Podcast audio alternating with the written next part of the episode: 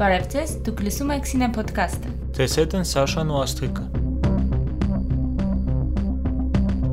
Մեր նախորդ թողարկումից արդեն մի քանի ամիս է անցել ու այս ընթացքում այնքան բան է կատարվել աշխարհում, որ մենք էլ որոշեցինք մեր նոր էպիզոդի մեջ անդրադառնալ հենց կորոնավիրուսին ու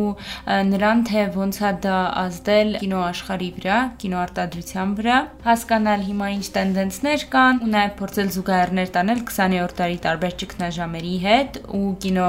ինդուստրիային բաժին հասած մարտահրավերների, ինչքան էլ որ այս վիճակը, որի մեջ մենք ենք գտնվում, աննախադեպ թվում։ Ինչպես գիտենք, ամբողջ աշխարհում արդեն մի քանի ամիս կինոթատրոնները փակ էին ու նոր-նոր սկսում են վերաբացվել որոշ տեղեր, իսկ դրան զուգահեռ մեծ եկամուտ են անում տարբեր սթրիմինգային հարթակները ինչպիսիք են օրինակ Netflix-ը կամ Amazon-ը։ Ու այս ամեն ինչի ֆոնին էլ ավելի ակտուալ է դառնում այն մշտական հարցը, թե արդյոք վերջնականապես կփոխվի կինոդիտելու մշակույթը ու մարդիկ կվերադառնան կինոթատրոններ, թե չէ։ Այս իհարկե նոր խնդիր չի ու դեռևս 2010-ականներին արդեն մեծ փոփոխություններ էին տեղի ունենում ինդուստրիայում։ Կինոթատրոնները էլ չունեն այն արտոնությունը, ինչ կար 20-րդ դարում։ Հանդիսատեսն էլ շատ հաճախ նախընտրում է տանը նայել ֆիլմը, հատկապես երբ ունի այն կառավարելու հնարավորությունը։ Ինչպես ասում էր ռեժիսոր Պիտեր Գրինուեյը, կինոն մահացավ այն օրը, երբ հորինեցին պուլտը, ու հանդիսատեսը ստացավ հնարավորություն ինքը կառավարելու ֆիլմը։ Միևնույն ժամանակ ավելի է մեծանում կինոթատրոններում գնացող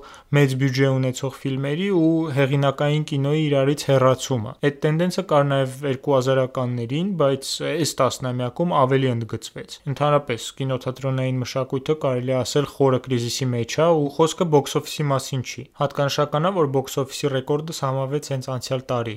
Marvel-ի Endgame ֆիլմն էր։ Խոսքը առաջին հերթին միջին ու փոքր բյուջե ունեցող արտ ֆիլմերի, հեղինակային ֆիլմերի մեծ էկրանից հեռացման մասին է։ Հեղինակային կինոն հիմա ձգվում է դեպի վերոնշյալ պլատֆորմները ու TV-ն։ Նույնիսկ անվանի ռեժիսորները հաճախ նախընտրում են հերոստատեսությունում հիմա աշխատել, քանի որ այնտեղ ավելի մեծ ստեղծագործական ազատություն են ստանում։ Որպես վառ օրինակ կարելի է հիշել Մարտին Սկորսեզեին ու իր իռլանդացի ֆիլմը։ Միշտ էլ նման իրավիճակ եղել է, որ TV-ն, հետո տեսայրիզները, VHS-ը հակադրում էին կինոթատրոններին ու ասում էին, որ դրանք կգան կգրավեն կինոթատրոնների տեղը։ Ու այդպես չէր լինում։ Բայց հիմա մի քիչ այլ իրավիճակ է, որովհետև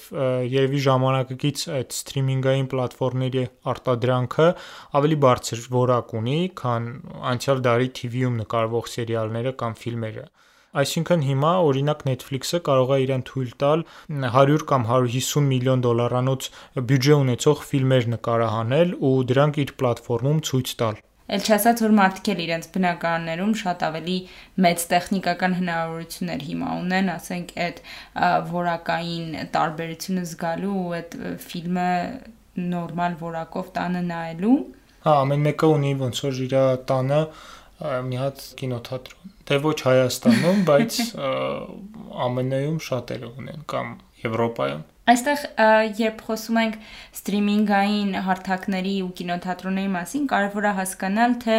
այս ամբողջ համակարգը ոնց է աշխատում կա այսպես կոչված theatrical window, թատերական պատուհան, որը ենթադրում է, որ ֆիլմը թողարկվելուց հետո, պրեմիերայից հետո առնվազն 3 ամիս պետք է ցուցադրվի կինոթատրոններում, մինչև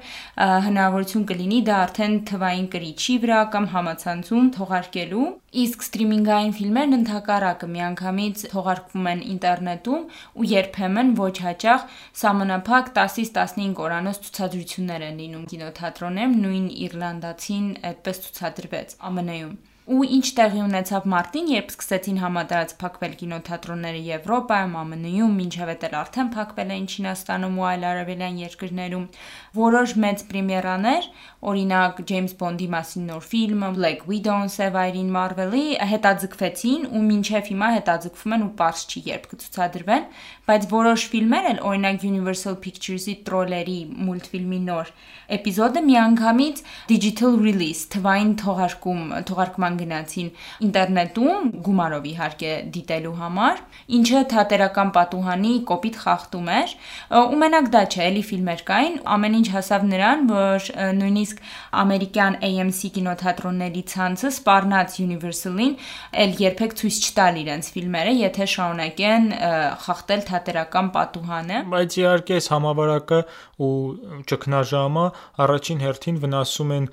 ոչ թե մեծ կորպորացիաներին, ինչպիսին օրինակ այդ AMC կինոթատրոնների ցանցն է, այլ փոքր ու անկախ կինոթատրոններին։ Դե հա, իհարկե, որովհետև իրանք չունեն այնքան ռեսուրսներ, որպեսզի կարողանան ամիսներով առանց եկամուտ անելու շարունակել, ասենք, տարածքի վարձակալության գումարներ տալ, աշխատողներին վճարել ու այլ ծախսեր անել։ Ու շատ-շատերի հիմա ֆինանսական խնդիրներ ունեն մեծ ու տարբերակներ են փնտրում սնանկությունից խուսափելու համար Օրինակ շատերը crowdfunding են անում կամ կա ինչ որ տեղեր, որ պետական ինչ որ աջակցություն են ստանում, բայց ամենահետաքրքիր բանը, որ նոր սկսեց, հա, ձևավորվել virtual cinema կոչվածը, ինչա դա իրենից ներկայացնում Ասենք ես ուզում եմ նայեմ X ֆիլմը, մտնում եմ առնում եմ Toms, բայց ոչ թե կինոթատրոն գնալու համար, այլ նորից ինտերնետում նայելու համար։ Դա կարող լինի ինչ որ կոնկրետ ժամի սեանս, կարող լինի ինչ որ սահմանափակ, ասենք 3 օր ակտիվ հղում, որից ես կարող եմ օգտվել։ Օնլայն վարձույթի նման ինչ որ բան, էլի։ Հա, ես ինչքան նայեցի մոտավորապես 5-ից 15 դոլարի շրջանակներում էր, միգուցե 20 դոլարի շրջանակներում էր մի տոմսի գումարը, ու նաև ընտրում եմ այն կինոթատրոնը, որտեղ ես վիրտուալ կնայեմ այդ ֆիլմը, ինքը ավելի բնականաբար սոլիդարության ու աջակցման տարբեր ձևերա կինոթատրոններին։ Սիմվոլիկ ինչ որ բան է իրենից ներկայացնում, այսինքն նաև։ Դե հա, իհարկե, որտեվ այդ ֆիլմերը հավանականորեն հասանելի են iTunes-ում, Amazon-ում կամ ուրիշ ինչ-որ տեղից գնելու համար, բայց մարդիկ նախընտրում են աջակցել իրենց սիրելի կինոթատրոնին, միգուցե իրենց համայնքային կինոթատրոնին կամ առհասարակ ցանկացած կինոթատրոնի ու ցուցադրվում են տարբեր ֆիլմեր, նոր հեղինակային ֆիլմերից սկսած, օրինակ Բակուրան, մինչև հին դասական ֆիլմեր։ Ու սա նաև միջոցառում է ինչ որ առումով դառնում, ինչ որ մի ձևով փորձում է փոխարինել այդ միասին դիտելու միգուցե գործողությունը ու հետաքրքիր է որ ոչ կինոթատրոններ ասում են որ միգուցե այս ամեն ինչից հետո շարունակեն այս պրակտիկան ինչ որ չափով, որովհետև իրանք ունեն սահմանափակ տեղեր, ասենք 1 կամ 2 դալիճ ու միգուցե դրան զուգահեռ ինչ որ sense միջոցառումներ կազմակերպեն on-line նաև։ Մանավանդ էս մոտակա ժամանակ երևի, երբ կինոթատրոններում ոչ բոլոր տոմսերն են վաճառվելու, որովհետև դիստանցիա պետք պահել մարդկանց միջև ու ասենք դահլիճի կեսը կամ 1/3-ն է վաճառվելու ու parza որ կուզենային էս on-line տրադիցիան շարունակեն։ Ու նաև դրայվին կինոթատրոններ են շատ տեղեր բացվում կամ վերսկսում աշխատել։ Դրանք շատ-շատ տարածված էին ԱՄՆ-ում 70-ականներին ու 80-ականների վերջից սկսեցին հիմնականում փակվել, բայց հիմա նույնիսկ Հայաստան հասան Այս վերջերս ցուցադրվեց Կուբրիկի Shining-ը ոսկե ծիրանի հետ համագործակցությամբ ու այս իհարկե հնարավորություն է տալիս էլի ինչ որ սոցիալական հեռավորություն պահպանել, քանի որ մարդիկ մեքենաներով են Ու բնականաբար այս իրավիճակում, երբ մարդիկ չեն կարող տնից դուրս գալ կամ չունեն իրենց սովորական ժամանցը սոցիալական կյանքը, շատ ավելի շատ շատացել են հենց սթրիմինգային պլատֆորմներում դիտումները ու հետաքրքիր է, որ Netflix-ը 2020 թվականի առաջին 4 ամսվա ընթացքում կրկնապատկել է իր սպասված բաժանորդների քանակը, հատկապես մարտ-ապրիլ ամիսներին թե Netflix-ը, թե Disney Plus-ը ստիպված էին իրենց ֆիլմերի պատկերի որակը մինչև նույնիսկ 25%-ով քչացնել, որ կարողանան ապահովել այդքան մեծ քանակով դիտումները։ YouTube-ն էլ էր նման մի բան արել, հիմա չգիտեմ ճիշտն ասած, այդքան ուշադիր չեմ եղել, բայց էլի մարտ-ապրիլ ամիսները նրանց վիդեո վիդեոների որակը բավական ցածր էր, ավելի քան իրաց ստանդարտը։ Էլի նույն պատճառով իհարկե։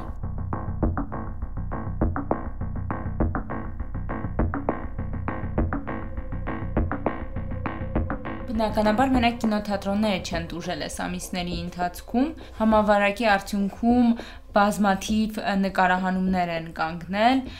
թե մեծ ստուդիաների, թե անկախ գործիչների, թե նույնիսկ սթրիմինգային հարթակների, որոնք այս առումով ինչ որ որոշակի կորուստներ կունենան ամեն դեպքում։ Նույնիսկ եթե շարունակվում են որոշ նկարահանումներ, հիմա լրիվ փոխվել է, այսինքն նկարահանումն իրականացնելու ձևը, մեթոդները, քանի որ բավականին խիստ սահմանափակումներ կան անվտանգության նպատակներից ելնելով, օրինակ շատ ժամանակ ամբողջ անձնակազմը ստիպված է լինում դիմակներ գրել կամ ասենք հատուկ ռակուրսներ են օգտագործվում, որ դերասանները իրար ավելի մոտ թվան, քան իրականում կան։ Շատ դժվար է նաև ինչ որ էրոտիկ ինտիմ տեսարաններ նկարահանելը, որովհետև պետքա ինչ որ հեռավորություն պահվի դերասանների միջև ու նաև սահմանափակում կա ներգրաված դերասանների քանակի հետ կապված, համարյա թե անհնար է massայական տեսաններ նկարելը, լոկացիաների հետ խնդիրը,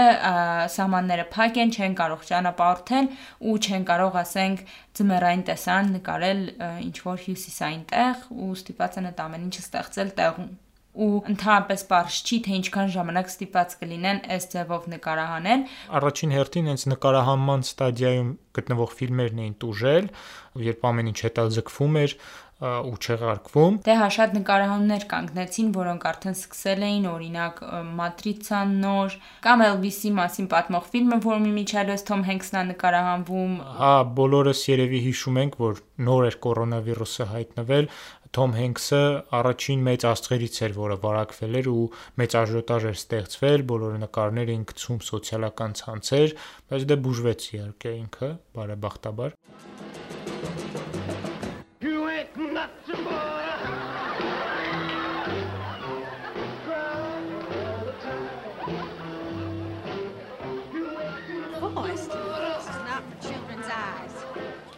Ու չմոռանանք, որ այս ամեն ինչի արդյունքում 100 հազարավոր մարդիկ աշխատանք են կորցրել իրենց եկամուտի հիմնական աղբյուրը։ Այս ինդուստրիան շատ ժամանակ անվանում են gig economy, որը նշանակում է, որ մարդիկ աշխատում են պատվերից պատվեր, այսինքն հիմնական աշխատող չեն, չունեն աշխատանքային պայմանագրեր ու դրանից բխող բոլոր արտոնություններն ու առավելությունները։ Այսինքն ֆրիլանսերի նման մի բան։ Հա, ֆրիլանսերներ են հիմնականում ու նույնիսկ չեն կարող օգտվել պետական աջակցության շատ ծրագրերից, որ հիմա իրականացվում են տարբեր երկրներում, քանի որ դրանք աշխատողներին են վերաբերում։ Ու իհարկե սա մենակ դերասանների ու ռեժիսորների մասին չի։ Այս ոլորտում այնքան տարբեր աշխատողներ կան, օպերատորներ, մեյքափ արտիստներ, նույնիսկ ասենք ուտելիք պատրաստողներ, չգիտեմ, ծաղիկներով զբաղվողներ ու էլի լիքը-լիքը տարբեր մարդիկ են ներգրաված ու իրանց հիմնական հիմնական հատկապես դերասանների կողմնակի աշխատանքն էլ ռեստորաններն են ու կաֆեները, որոնք նույնպես հիմա փակ են, ստացվում որ համ հիմնական, համ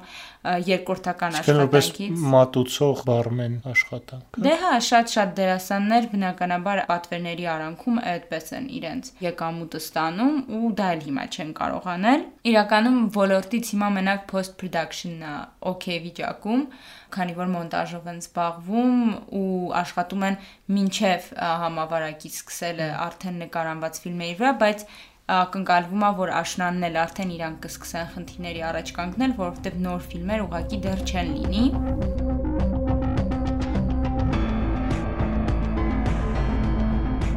Այս ոլորտի եւս մի կարևոր հատված, որին դեռ չենք անդրադարձել, փառատոններն են ու այստեղ իրարից տարբերվող ճակատագիր ունեցավ ամեն մեկը փառատոններից, եթե Բերլինը հասցրեց կայանալ փետրվար ամսին, քանի որ պանդեմիան դեռ նոր էր Եվրոպան գրավում, ապա օրինակ Կանի փառատոնը չեղարկվեց իմիջիալոց առաջին անգամ իր ողջ պատմության ընթացքում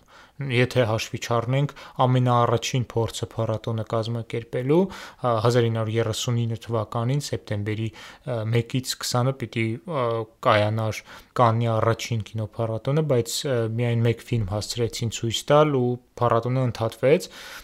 քանի որ հենց սեպտեմբերի 1-ին Գերմանիան հարձակվեց Լեհաստանի վրա ու սկսվեց երկրորդ համաշխարհային պատերազմը ու մեկ անգամ էլ 1968 թվականին փառատոնը կեսից ընդհատվեց հայտնի ուսանողական ցույցերի պատճառով։ Այս տարի Կաննը պետքա մայիսի կեսերին կայանար ու երկար ժամանակ չէին կողմնորոշվում կազմակերպիչները, անցկացվելու է թե չէ։ 2-3 անգամ փորձեցին հետաձգել, բայց վերջի վերջո հասկացան, որ այս տարի հնարավոր չի լինի փառատոնը անցկացնել ու ուղակի չեղարկեցին բայց միևնույն ժամանակ հրապարակեցին նաև ցուցակ այն ֆիլմերի, որ պետքա մասնակցեն փառատոնին։ Մրցութային ծրագրում։ Հա, մրցութային ծրագիրը նաև բոլոր ծրագրերը եւ հիմնական ոսկե արմավենու ճյուղի համար պայքարող ֆիլմերը, այսինքն եւ այլ կոնկուրսների, որոնցից մեկում լավագույն դեբյուտային ֆիլմ կոչվելու համար մրցույթում մասնակցում էր նաև հայկական ֆիլմ առաջին անգամ անկախ Հայաստանի պատմության մեջ, երբ որ քամին հանդարտվի ֆիլմ առհասարակ սրանից առաջ շատ-շատ վաղուց էր հայկական ֆիլմը մասնակցել Կաննի կինոփառատոնին 1966-ին Բարև ես եմ Ֆրունզե Դովլաթյանի հիմնական ծրագրում էր Կաննի։ Ճիշտ է ներկայացնում էր ԽՍՀՄ իհարկե։ Կինոփառատոնների նաև շատ կարևոր մասը դրանց շրջանակներում իրականացվող կինոշուկաներն են ու Կաննի կինոշուկան ամենամեծերից մեկն է, այն կարևորություն ունի թե արդեն ստեղծված ֆիլմերի, թե դեռ pre-production փուլում գտնվող ֆիլմերի համար, որպեսի օրինակ գտնեն դիստրիբյուտոր կամ գտնեն ֆինանսավորող հենց ֆիլմը նկարահանելու համար։ Ու այս տարի կինոշուկան որոշեցին անցկացնել, բայց on-line տարբերակով հունիսի վերջում։ Իսկ օգոստոսի սկզբին կայանում է Լոկարնոյի կինոփառատոնը, ու այս տարի չկա մրցութային ծրագիր, միայն ռետրոսպեկտիվ ցուցադրություններ անցյալ տարիների Լոկարնոյի փառատոնին մասնակցած ֆիլմերի, անցկացվում է համ առցանց, համ կինոթատրոններում, բայց իհարկե կինոթատրոններում շատ ավելի փոքր քանակությամբ ֆիլմեր են ցուցադրվելու։ Ու նույնն էլ երևի կլինի Վենետիկի դեպքում, հա, թե Չէ, Վենետիկի դեպքում փորձելու են կազմակերպել առաջին մեծ փառատոնը ստեղծված իրավիճակում, Փառատոնի ներկայացուցիչները ասում են, որ կցանկանային ֆիլմերի հեղինակներին տեսնել հենց փառատոնի ժամանակ ու նրանց ֆիզիկական ներկայությունը շատ կարևոր են համարում։ Հիմա դեռ միևնույնն է, པարզ չի ամեն ինչ լինելու է այնպես, ինչպես իրենք են նախատեսում, թե չէ, բայց ըստ երևույթի սա լինելու է առաջին մեծ միջոցառումը կինոյի ոլորտում։ Իսկ սեպտեմբերին պետք է կայանար, այսինքն Հա, պիտի կայանա սեպտեմբերի սկզբին ու դե մենք էլ շատ տխուր հուլիս ունեցանք առանց ոսկե ծիրանի, որը այս պահի դրությամբ տեղափոխվել է նոեմբեր, նոեմբերի 1-ից 8-ին է տեղի ունենալու, եթե իհարկե իրավիճակը դա թույլ տա, բայց դրան զուգահեռ որոշակի միջոցառումներ ամեն դեպքում կազմակերպվեցին հուլիսին։ Օնլայն կազմակերպվեցին, մի քանի workshop կազմակերպվեց, նաև master class-ի նման ինչ-որ բան, զրույցներ ֆիլմերի մասին, օրինակ Ատոմե Գոյանի մասնակցությամբ զրույց կար Այսինքն ինչ որ ձև ստեղել են փորձում կինոփառատոնային կյանքը չմոռանալ ու նոյեմբերին հույս ունենք, որ Ոսկե Ծիրան փառատոնը կկայանա։ Ընդհանրապես շատ հետաքրքիր կլինի նոյեմբերին տեսնել այդ առանց Երևանի շոկի հա։ ու ծիրանների։ Իսկ մեկ այլ հայկական փառատոն one shot-ը կամ մեկ կադրը, որը պետքա հունիսին կայանար, ըստ երևույթին անցկացվելու է սեպտեմբերին ու ստեղ հենց արցանց ցուցադրությունների ֆորմատն է աշխատելու։ Դու արդեն մի քիչ նշեցիր փառատոնների, հատկապես կինոշուկաների, կաննի նման մեծ կինոշուկայի կարևորության մասին, բացի ցուցադրություններից ու միջազգային լսանին հասնելու հնարավորությունից ու նաև պրոդյուսերներ, դիստրիբյուտորներ գտնելուց, կինոփառատոնները շատ-շատ կարևոր են հենց կինո դիտելու մշակույթի առումով, այսինքն իրանք շատ մեծ ու կարևոր միջոցառումներ են, որոնք մենք երբեմն կարող է կարմիր գորգերի հետ ենք միայն ասոցացնում, բայց իրականում շատ մեծ հնարավորություն են տալիս հատկապես Հայաստանի նման երկրում, որտեղ առհասարակ չկա մեծ տեսականի ու մեծ հնարավորություն կինոթատրոններում ֆիլմեր դիտելու։ Հա, մասնավորապես Ոսկե Ծիրանի ընթացքում մենք ունենում ենք մի կինոտոն, մեծ միջոցառում ու դրա ժամանակ մոռանում ենք ուղակի, որ գտնվում ենք Հայաստանում ու ստեղ այդքան էլ զարգացած չի կինոթատրոնային մշակույթը, կինոթատրոններում էլ հաճախ չես տեսնի հեղինակային ֆիլմեր։ Մի խոսքով շատ հուսով ենք, որ նոյեմբերին Ոսկե Ծիրանը կկայանա ու առհասարակ փառատոնները կկարողանան շարունակել այս տարի իրենց գործունեությունը բայց բնականաբար առաջնահերթություն տալով անվտանգությանը ու մի հետաքրքիր բան էլ որ այս տարի տեղի ունեցավ դա We Are One փառատոններ, եթե կարող ենք այդպես անվանել, որտեղ մի շարք մեծ փառատոններ Կաննը, Բերլինը, Վենետիկը, Սանդենսը, Տորոնտոն եւ այլն հավաքվեցին ու անվճար հիմունքներով 10 օր YouTube-ում ցուցադրեցին տարբեր ֆիլմեր իրենց արխիվներից, ֆիլմադարաններից ու ամբողջ հասույթը,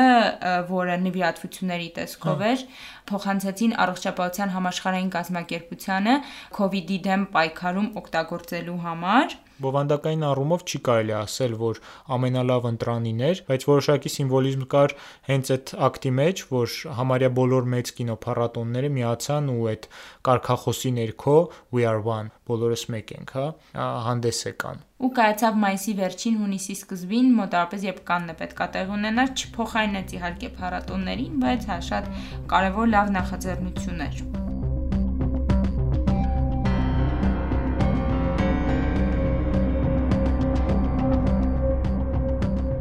Մտածեցինք, որ կարևոր կլինի նաև հասկանալ, թե նախորդ մեծ համավարակը իսպանական գրիպը ինչ ազդեցություն է թողել ժամանակի կինոյի վրա ու արդյոք կա ինչ-որ դասեր միգուցե որ մենք կարող ենք հիմա քաղել դրանից կինոթատրոնները շատ կարևոր էին այն ժամանակ քանի որ ժամանցի եւի թե հիմնական միջոցներից մեկն էին ու նաև որ շարումով այլընտրանք էին հանդիսանում ասենք բարերին ալկոհոլին ալկոհոլիզմին ու իհարկե նաև ռոպագանդայի մեծ գործիք էին պետությունների համար Համաճարակի ժամանակ կինոթատրոնները նաև իրազեկման համար էին օգտագործվում։ Երբեմն ցուցադրվում էին 15 րոպեանոց գովազդներ վտանգների մասին, նաև պաշտպանության միջոցների մասին, ինչու կրել դիմակ, ինչպես կրել եւ այլն։ Այսինքն այն ինչ որ հիմա TV-ով են անում կամ Facebook-ում, հա, ինտերնետում Իսպանական գրիպի ազդեցության մասին տեղեկատվությունը հիմնականում ԱՄՆ-ի ու միգուցե Մեծ Բրիտանիայի օրինակով է։ Ես փորձեցի գտնել ինչ որ բաներ այլ երկրների մասին, բայց չկարողացա, այնպես որ ինչն էլ ասեմ, հիմնականում լինելու է այս երկրների մասին, հատկապես ԱՄՆ-ի։ Բնականաբար, երբ իսպանական գրիպը մեծ տարածում գտավ ամբողջ աշխարհում, կինոն դեռ շատ նոր էր, կայացած ինդուստրիա չէր ոնց որ հիմա, ու շատ էին նույնիսկ մտավախությունները, որ չի կարողանա վերականգնվել քանի որ այն ժամանակ էլ միգուցե ոչ այսքան համատարած, ինչ որ կարող է սահմանափակ ժամանակով, բայց ամեն դեպքում շատ կինոթատրոններ փակվեցին։ Եթե չէին էլ փակվում, այն ժամանակ էլ որոշակի սահմանափակումներ կային, օրինակ չէին թողնում շատ տեղեր երեխաներին, քանի որ իսպանական գրիպը վտանգավոր էր ավելի երիտասարդների համար, կամ օրինակ զինվորներին, քանի որ հենց զինվորականները բերեցին գրիպը օրինակ ԱՄՆ առաջին աշխարհամարտից հետո, ու այլ սահմանափակումներ էլ կային, ասենք 3 ժամը 1 30 րոպեանոց օթափողություն, որոշ տեղերում դիմակներ, բայց այն ժամանակ դիմակները շատ ավելի քիչ տարածված էին ու նույնիսկ համարվում էին թուլության նշան դիմակները գրելը ու շատ հոլիվուդյան աստղեր բավականին դեմոնստրատիվ կերպով հրաժարվում էին դիմակներ գրելուց Դրան զուգահեռ նաև կանգնեց ոնց որ հիմա էլ նկարահանումները, բայց հետաքրքիրն այն է, որ այն ժամանակ նկարահանումները հիմնականում կանգնում էին ոչ թե անվտանգության նկատառումներով, այլ ավելի բիզնես պատճառներով, քանի որ համոզված չէին, որ ինդուստրիան ճգնաժամից կվերականգնվի, ուստի ստուդիաները վախենում էին ներդրումներ անել ու հետո կորուստներ ունենալ, շատ անորոշ էր ամեն ինչ ու նաև արգելվում էին massայական սցենաների նկարահանումները, նորից ոնց որ հիմա այսինքն ընդհանուր առմամբ բավականին նման փորձառություն կարելի է համարել իհարկե բժշկությունը հիմա շատ ավելի զարգացած է ու շատ ուրիշ ձև է այս համավարակը ընթանում բայց հենց կոնկրետ կինոյի ու կինոթատրոնների դեպքում շատ նմանություններ կան ու եթե ամփոփենք այս իսպանական գրիպի հատվածը կարելի ասել որ 2 տարի պահանջվեց կինոինդուստրիային վերականգնվելու համար բայց այդ վերականգնվելն էլ իրականում շատ-շատ շատ մեծ փոփոխություններ էին դրանի դրանից հետո էլ այդ ոլորտը այնպեսին չէր, ինչպեսին առաջ։ Բեկումնային նշանակություն ունեցավ հատկապես ամերիկյան կինոյի համար, քանի որ մինչև դա չկային մեծ ցանցեր, կինոթատրոնների ցանցեր։ Կային տարբեր փոքր կինոթատրոններ, հիմնականում ասենք ինչ որ մի անձի կողմից աշխատացվող,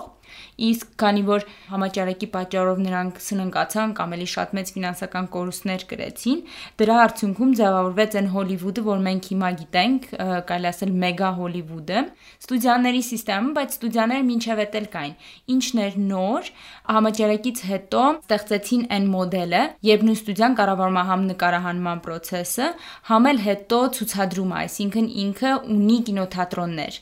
ու այս ամբողջ process-ը իրա բացարձակ կառավարման տակ է ու ոնց էին իրանք հասնում դրան ճգնաժամից հետո երբ շատ կինոթատրոններ ֆինանսական խնդիրներ ունեին այս ստուդիաները փոքր կինոթատրոնների տերերին առաջարկում էին վաճառել իրենց բիզնեսը ասենց ասած կինոթատրոնը շատ էժան գներով կարելի ասել կոպեկներով իսկ եթե կինոթատրոնների տերերը չէին համաձայնում այդ դեպքում ասում էին որ մենք կգանք ասենք դիմացի մայթում կբացենք կինոթատրոն, իրանք ունեին այդ ֆինանսական հնարավորությունները։ Մենք կբացենք կինոթատրոն ու դու մեկա չես կարողանա շարունակել քո գործունեությունը։ Ու արդյունքում այդտենց շատ էժան գներով առնում էին կինոթատրոնները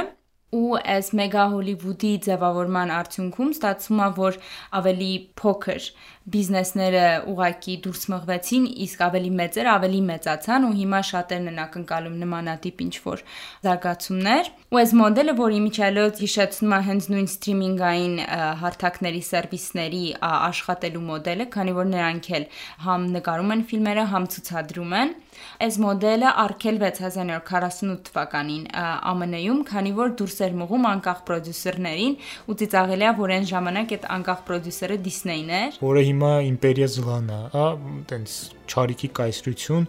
մեծ կորպորացիա, որը բոլոր բոլորին կուլ է տալիս։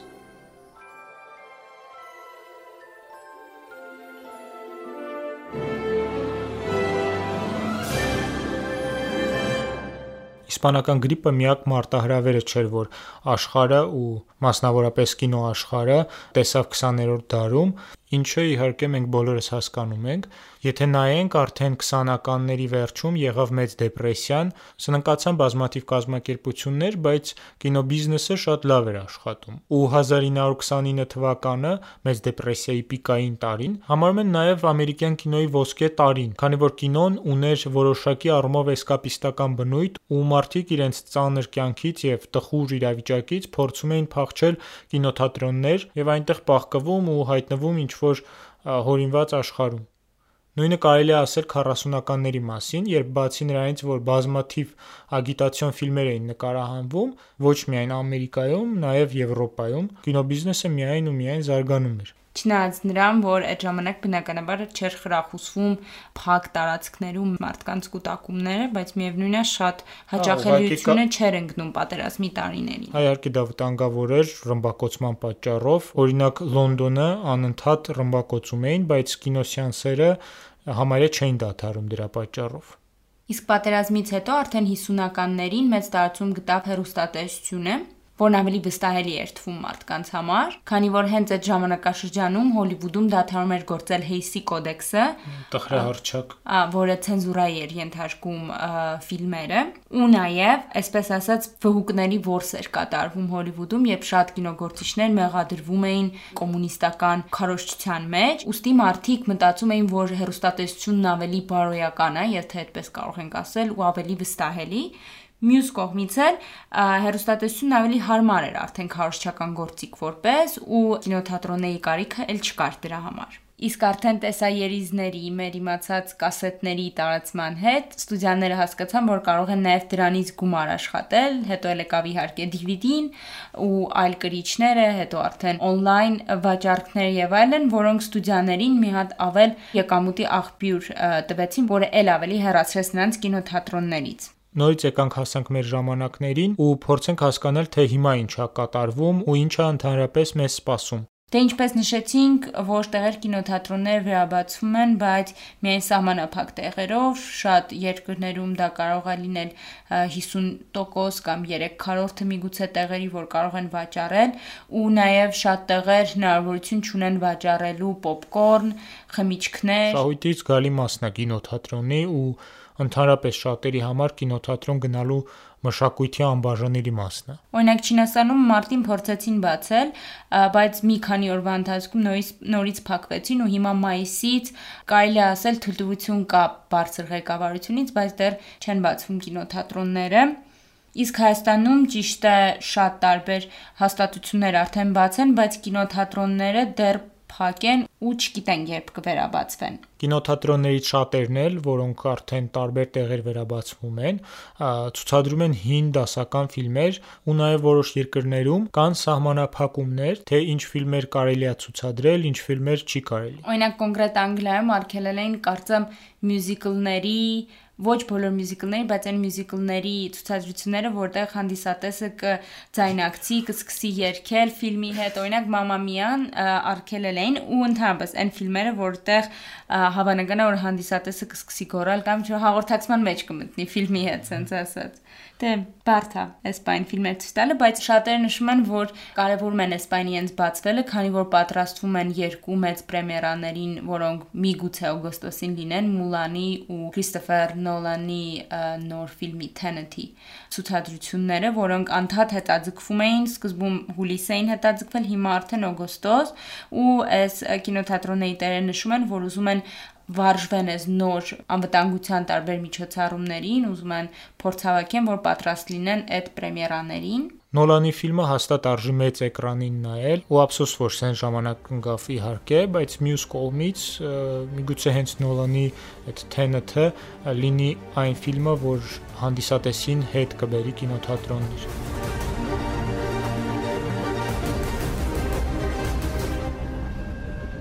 Իսկ հետաքրքիր է նկարահանումների production-ի տեսանկյունից կազդի թեմաների վրա այս համավարակը կունենանք մենք լիքը ֆիլմեր, չգիտեմ, կորոնավիրուսի, լոկդաունի, կարանտինի, չգիտեմ, սոցիալական մեկուսացման իզոլացման։ Հա, կունենանք ու արդեն ունենք որոշ քանակությամբ ֆիլմեր, կան screen live ժանրում, ենթաժանրում կամ ֆորմատում նկարված ֆիլմերը, երբ երևում է դեսքթոպը, հա, այդ searching ֆիլմի նման։ Կան բազմաթիվ կարճամետրաժ ֆիլմեր, ավելի սոցիալական գովազդի նման։ Իհարկե մեծ բյուջե ունեցող ֆիլմեր կամ բլոկբասթերներ դեռ չկան, բայց դե դրանք էլ հաստատ կնկարվեն։ Համենայն դեպս պահանջարկը շատ մեծ է լինելու։ Պահանջարկի առումով ասեմ, որ Contagion ֆիլմը, որը երևի թե վիրուսների առումով ամենատարածված ֆիլմերից մեկն է, Գառնան ամիսներին Warner Brothers-ի ամենաշատ նայված ֆիլմերի ցանկերում 277-ից բարձրացել էր երկրորդ հորիզոնական, այսինքն ահավոր շատ էին նայել մարդիկ։ Ստեղ հարցը իհարկե ոչ միայն է նա, որ ֆիլմը բավականին հայտնի էր, ռեժիսորը Սթիվեն Սոդերբերգն էր ու բազմաթիվ առաջին կարգի աստղեր են, ինչպես միշտ իր ֆիլմերում խաղում է ստեղ, այլ նաև այն, որ ֆիլմում պատկերվածը բավականին նման է մեր իրականությանը։ Այսինքն կորոնավիրուսի արդյունքում ստեղծված իրավիճակին, ու ամեն ինչ ռեալիստական ձևով է պատկերված։ Մեկ էլ Cliff Martinez-ի սաունդթրեքն է շատ լավը, ֆիլմի երևի գլխավոր արժանիքն է։